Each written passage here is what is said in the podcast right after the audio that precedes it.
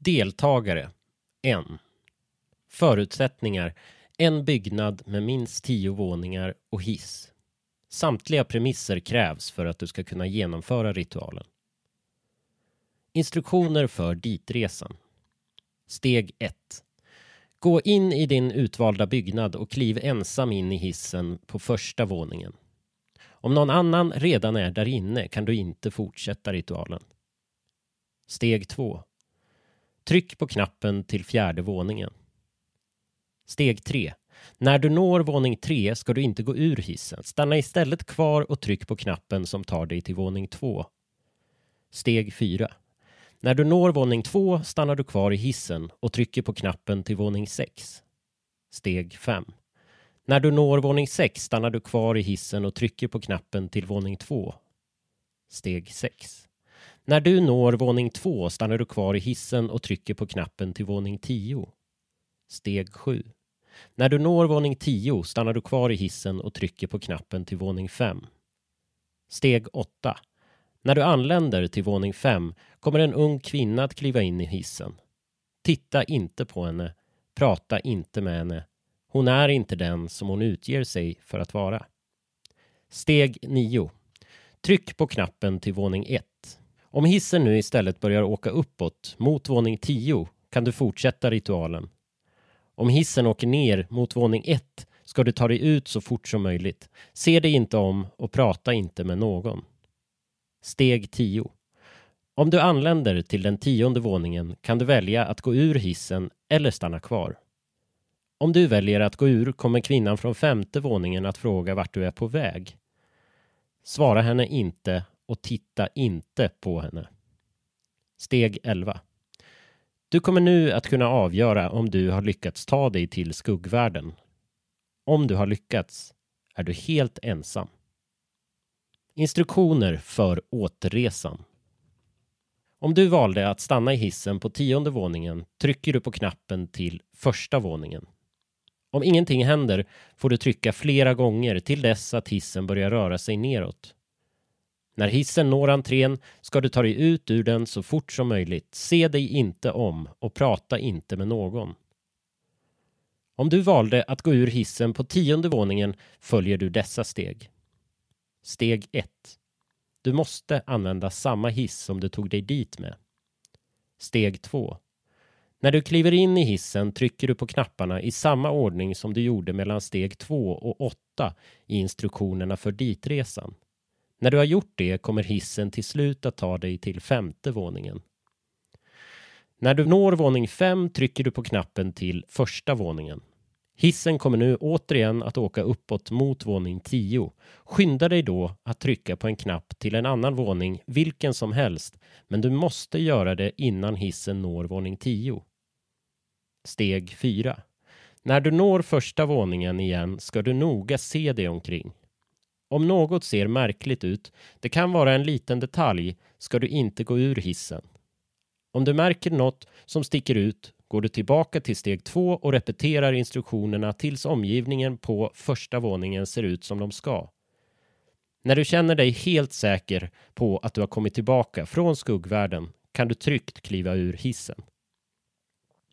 Tilläggskommentarer om du lyckas att ta dig till skuggvärlden kommer våningen du hamnar på se nästan identisk ut som i vår värld, förutom två saker. Alla lysen kommer att vara släckta och det enda du ser genom fönstren är ett avlägset rött kors. Somliga säger att elektronisk utrustning såsom mobiltelefoner, kameror etc. inte fungerar i skuggvärlden medan andra hävdar att de gör det.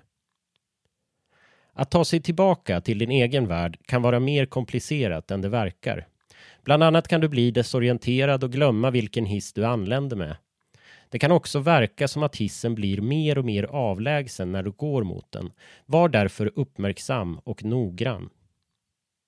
Om du under ritualen skulle svimma eller på något annat sätt förlora medvetandet kommer du med största sannolikhet att vakna upp i ditt eget hem men var vaksam, undersök din omgivning noggrant. I själva verket kanske det inte är ditt hem som du har vaknat upp i.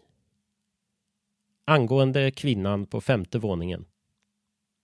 Prata inte med henne.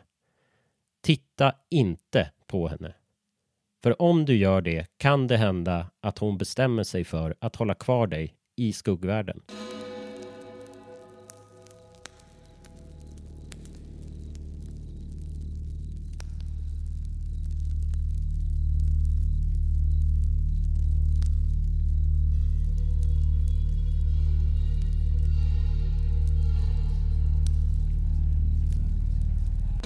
En anledning att älska halloween är att jag kommer att tänka på creepypastan om hissritualen. Jag är väldigt förtjust i den.